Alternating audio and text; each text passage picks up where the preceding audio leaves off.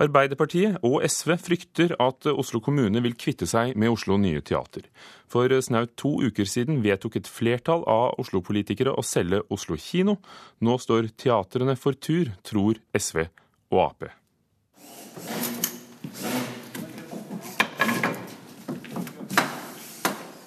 Fem menn slår mot scenen med store hamre. Showet 'Postkort fra Lillebjørn' er over, og kulissene på hovedscenen i Oslo Nye Teater må ned. Helt siden 1929 har artister som Wenche Foss og Henki Kolstad stått på denne scenen kveld etter kveld. Vår Herre ga en arm av jern til mannen, så han skulle tåle mye slit og træl. Men det er ikke bare scenearbeidere som raserer Oslo Nyes teaterscener, ifølge politikere i Oslo kommune. Teatret har blitt avspilt med stadig mindre penger de siste årene. Og etter at Oslo kommune forrige uke vedtok å legge kinoselskapet Oslo kino ut for salg, frykter Arbeiderpartiet, Sosialistisk Venstreparti og Rødt at teatret med sine tre scener er neste på kuttlisten. Det sier Arbeiderpartiets Andreas Halse, nestleder i kulturkomiteen. Jeg er jo redd for at Oslo 9 er neste i rekka. Salget av Oslo kino starta med at man ville ha en såkalt eierskapsstrategi, som endte med at eierskapsstrategien var å selge unna eierskapet. Eh, og nå vedtar man at man vil ha en eierskapsstrategi for Oslo Nye. Eh, vi vet at Frp har vært krystallklare på at de ønsker å kvitte seg med teatret. Eh, de fikk viljen sin for Oslo kino. Jeg er bekymra for at de får det samme for teatret. Og jeg skal ha billetter til åpningen av det nye teater.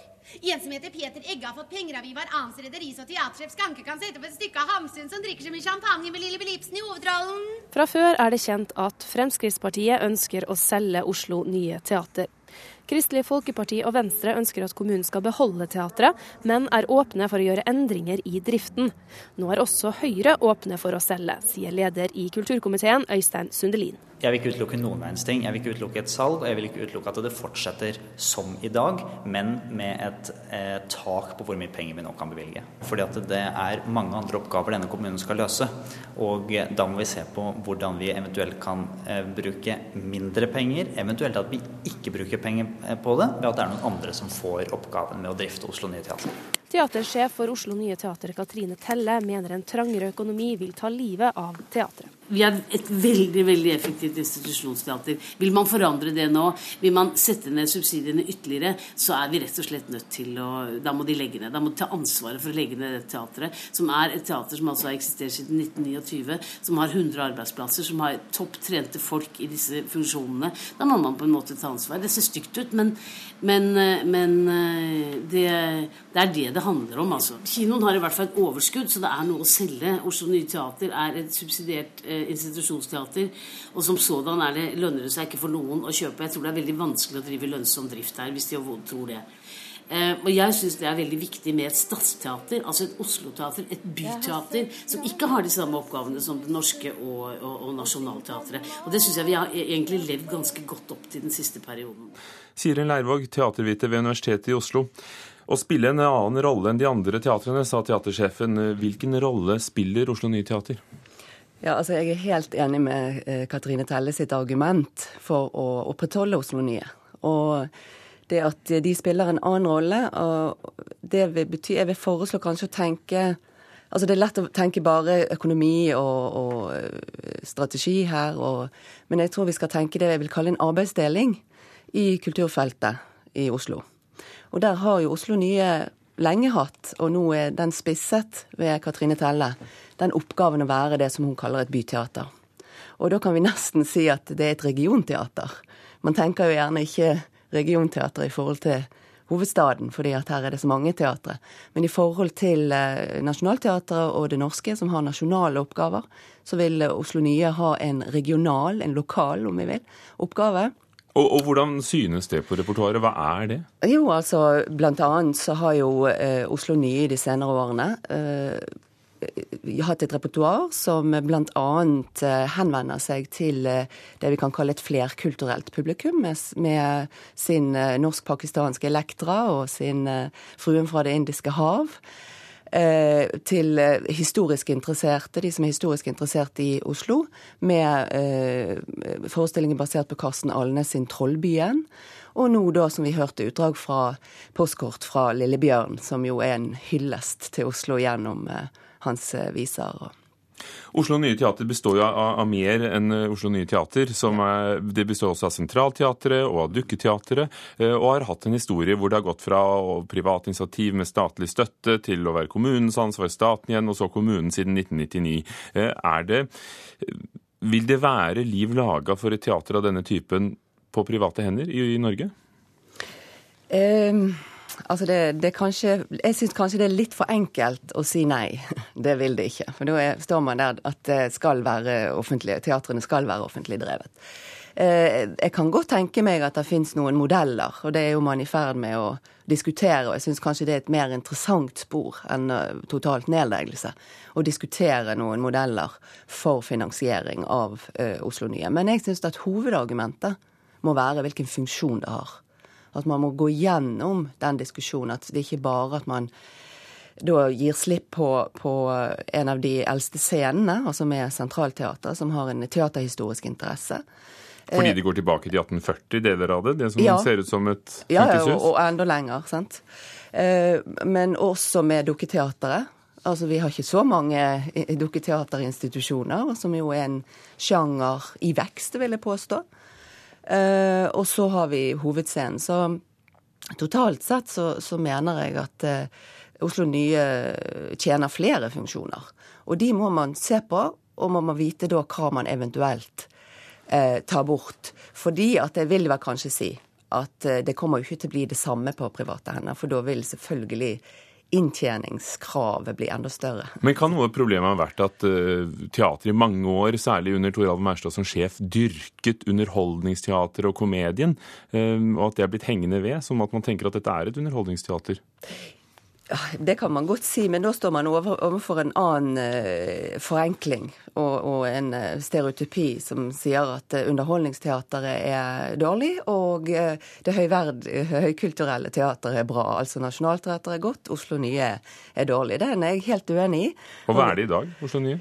Jeg mener det er en blanding. Altså det, det har et repertoar som både har høykulturelle ved seg og eh, underholdning. Og jeg, jeg, er helt enig med Katrine Telle, og jeg vil rose henne for det. At hun virkelig har gjort Oslo Nye eh, til sterkere til stede i Oslo. Takk skal du ha, Sirin Leirvåg, teaterviter ved Universitetet i Oslo. Wikileaks-grunnlegger Julian Assange krever diplomatiske garantier for at han ikke blir utlevert til USA om han reiser til Sverige. Sverige har begjært Assange utlevert i forbindelse med en voldtektssak, men Assange frykter at eh, Sverige vil sende ham videre til USA, der han kan bli tiltalt for spionasje. Assange har søkt tilflukt i Ecuadors ambassade i Storbritannia for å unngå å bli utlevert til Sverige. Når PR-byrået tipser mediene, må de også nevnes på trykk. Det mener generalsekretæren i Norsk Presseforbund, Per Edgar Kokkvold. Han etterlyser flere åpne kilder i avisene etter at det ble kjent at byrået NorPR tar eh, stykkpris betalt av sine kunder for oppslag i mediene, skriver Dagens Næringsliv. Også andre PR-byråer driver med det. Ansvarlig redaktør i VG, Torry Pedersen, og sjefredaktør i Bergens Tidende, Trine Eilertsen, ønsker ikke flere regler for journalister og redaksjoner. Om en drøy måned starter sommer-OL i London. Dette mesterskapet blir BBCs største satsing hittil. På nettsidene skal inntil 54 direktesendinger foregå samtidig. På de to største TV-kanalene skal den britiske kringkasteren sende 550 timer OL nesten hele døgnet. We're going to be broadcasting on our main channels about 550 hours. We're going to be broadcasting from 6 in the morning till 1 o'clock in the morning. TV-satsingen er stor. Totalt blir de olympiske leker i London større enn noen annen begivenhet BBC har gjort før. Det forteller Dave Gordon, sjef for store arrangementer hos BBC Sport. Den massive dekningen som ingen brite har sett maken til, involverer hele den britiske kringkastingen. Every part of the BBC is committed to making some content, you know, no matter whether you work in children's television Uansett om en til vanlig jobber med barne-TV, underholdning, musikk, dokumentar eller nyheter, så er man forpliktet til å bidra til OL-sendingene. Nå er det en drøy måned til mesterskapet starter. OL-ilden er på vei mot London, fakkelbærerne jubles frem langs ruten, og BBC dekker det hele kontinuerlig på nettsidene sine. Very interesting at the moment with the Olympic torch relay going around the UK. I mean, we've noticed phenomenal interest in that. Norge er en av 204 nasjoner som deltar i sommer-OL, og interessen for de olympiske leker er stor. For fire år siden fulgte hundretusener av nordmenn med da Olaf Tufte tok gull i OL i Beijing. Olaf Tufte i mål! Olympisk gull! Gullmedaljevinneren sier at det er noe helt spesielt med OL. OL er spesielt, og det er vanvittig stort. Men eh, det er også vanvittig kult når det går bra. Olav Tufte kan du følge på NRK, for her hjemme er det Rikskringkastingen som har rettighetene til å sende fra sommer-OL. Og også NRK har lagt ambisiøse planer for mesterskapet. Vi skal teppelegge stort sett eh, både NRK1 og NRK2 24 timer i døgnet. Eh, det blir OL fra morgen til ettermiddag til kveld til natt og opp om morgenen igjen. Det forteller sportssjef Rune Haug. NRK har også sju egne nett-TV-kanaler som sender mye av det som ikke kommer på vanlig fjernsyn. For ikke å glemme radio. I likhet med BBC så satser NRK stort. For NRK så er OL det største enkelteventet i 2012. Veldig få ting samler folk i så stor grad foran spesielt TV-apparater som det et OL gjør. Også BBC satser på å samle folket. Hos den britiske kringkasteren er det et uttalt mål om at de skal bruke ny medieteknologi for å nå så mange som mulig. Også de som Dave Gordon omtaler som såkalte OL-fornektere. Yeah, I think there are always people who are, you know, Olympic deniers. You know, there are people, you know, there are you know, people who don't like sport and people who don't think the Olympics should be coming to the UK. Well, I can't help that. Det er alltid noen som ikke liker sport og som ikke synes OL burde være i Storbritannia, og det kan ikke jeg gjøre noe for, sa Dave Gordon i BBC til vår reporter Turi Grønbekk. Tryllekunstnernes ungdomsforening har opplevd stor medlemsvekst de siste årene. YouTube og fjernsynsprogrammer som Norske Talenter får mye av æren, men erfarne tryllekunstnere er lite begeistret for at yngre kolleger kopierer triks fra YouTube, og påpeker at trylling er en skapende kunstart. Nå skal jeg få ruterest og hjerterest til å bytte plass. Det gjør sånn. Men så, siden jeg er tryllekunstner, så får jeg de til å sveve opp i lufta og fly rundt i rommet og tilbake inn i hånda mi.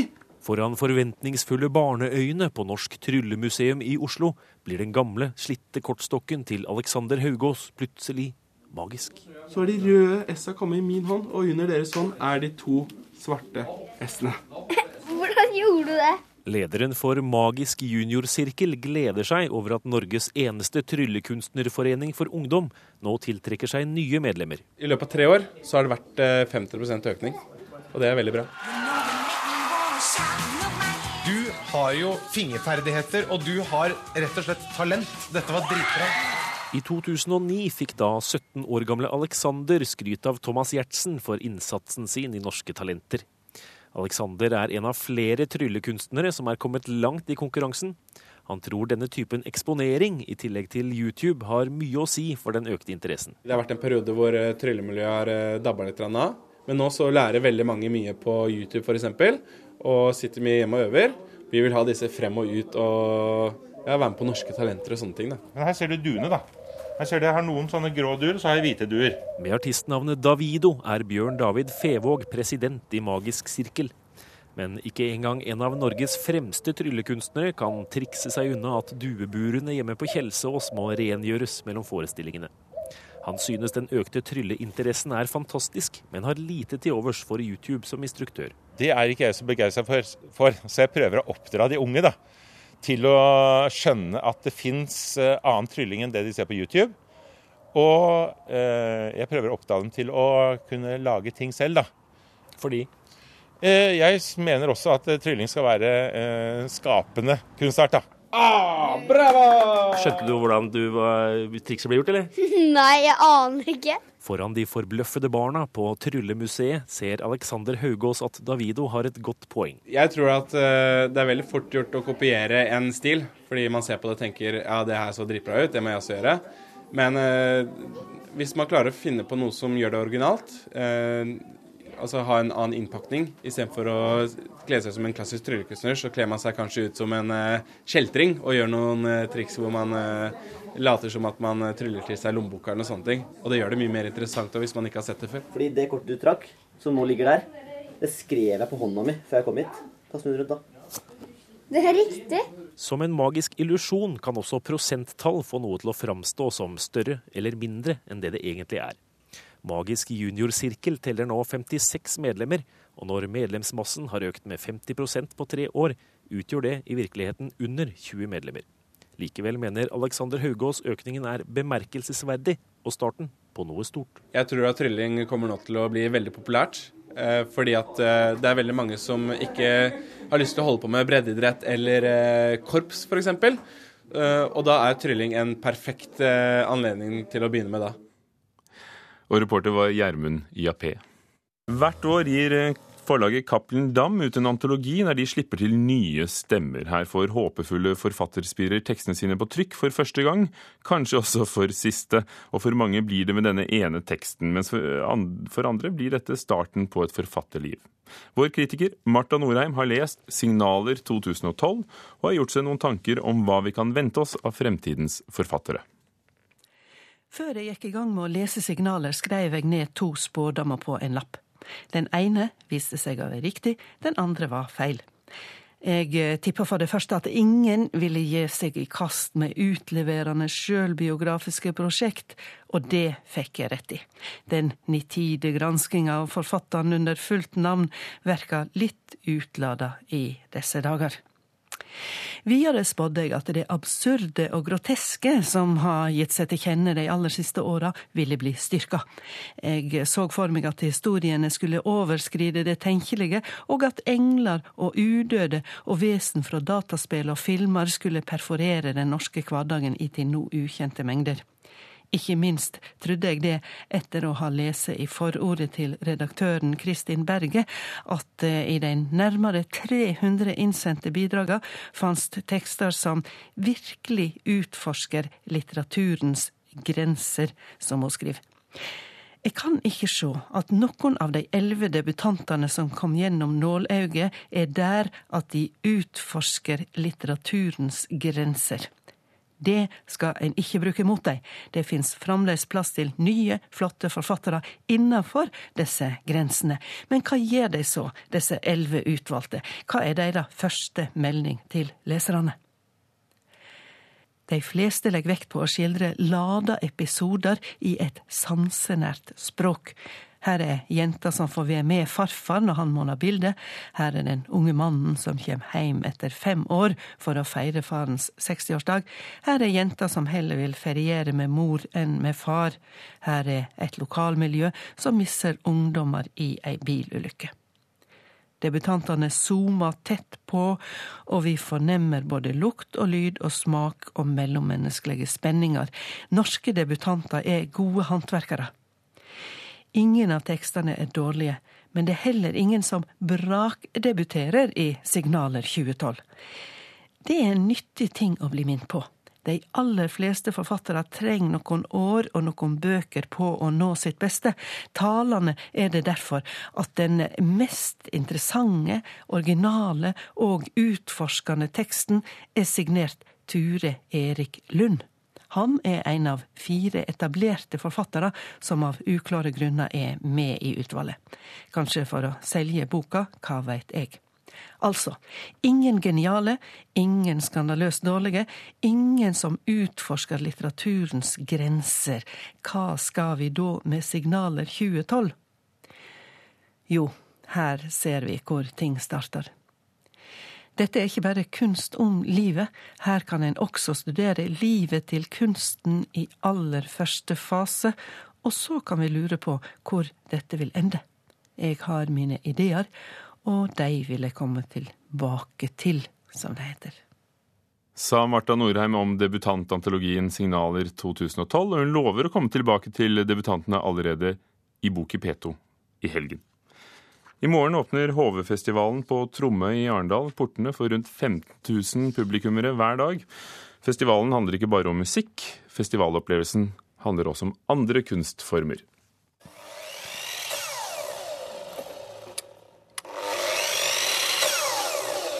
Tre av kunstnerne i kunstnergruppa Sisyfos minigolfklubb er så smått i gang med forberedelsene til årets HV-festival.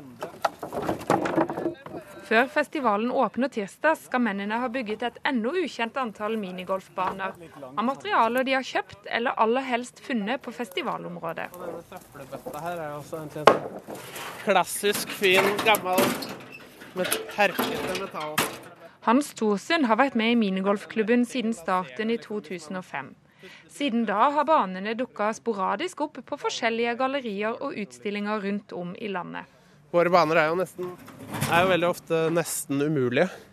Uh, Sisyfos minigolfklubb det springer jo ut fra myten om Sisyfos, som uh, ble dømt, altså en, en, gammel gresk myte om Sisyfos som ble dømt av gudene til å dytte en stor sten opp på toppen av et fjell, og så hver gang han kommer til toppen, så triller stenen ned igjen.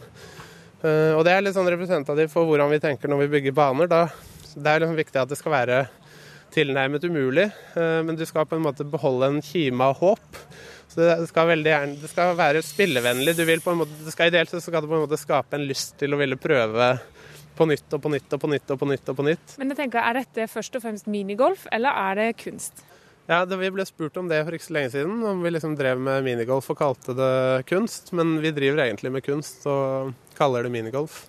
Det er funksjonelle skulpturer, da, kan du si. Det er interaktiv kunst hvor publikum kan, kan både selvfølgelig teoretisk sett, eller hvis de ønsker det, være med å bygge og melde seg inn i klubben og sånn, men også i forhold til spillet, da. Det er alltid mulig å spille på banene, og vi vil på en måte at publikum skal ja, skal spille på banene og bruke det, sånn sett. Ikke bare, men det skal også se visuelt slående og flott ut, sånn at du skal kunne få noe ut av det bare ved å titte på det. Sisyfos minigolfklubb er en av bare mange kunstnere som bidrar under årets HV-festival. Kunst er en av festivalens grunnpilarer, sier kulturansvarlig Kari Skippervold. Vi ønska å ha kanskje profesjonalisere festivalkunstbegrepet, som vi syns var kom litt i bakevja på, på andre musikkfestivaler. Så det har stått i fokus fra dag én, og nå er det deilig å se at eh, vi har på en måte bygd opp eh, en forventning om at nå finnes det bra eh, profesjonell kunst på arenaen her. Så nå ser vi også at publikum etterlyser det og er påmeldt og setter seg inn i programmet og gjør det. Formidlingen av kunstproduksjonen er veldig sånn takknemlig. Åtte timer hver dag skal det vises nærmere 30 ulike videokunstverk. I tillegg er det fem gallerier på festivalområdet. I ett av dem finner du kunstnergruppa Kuk og Parfyme.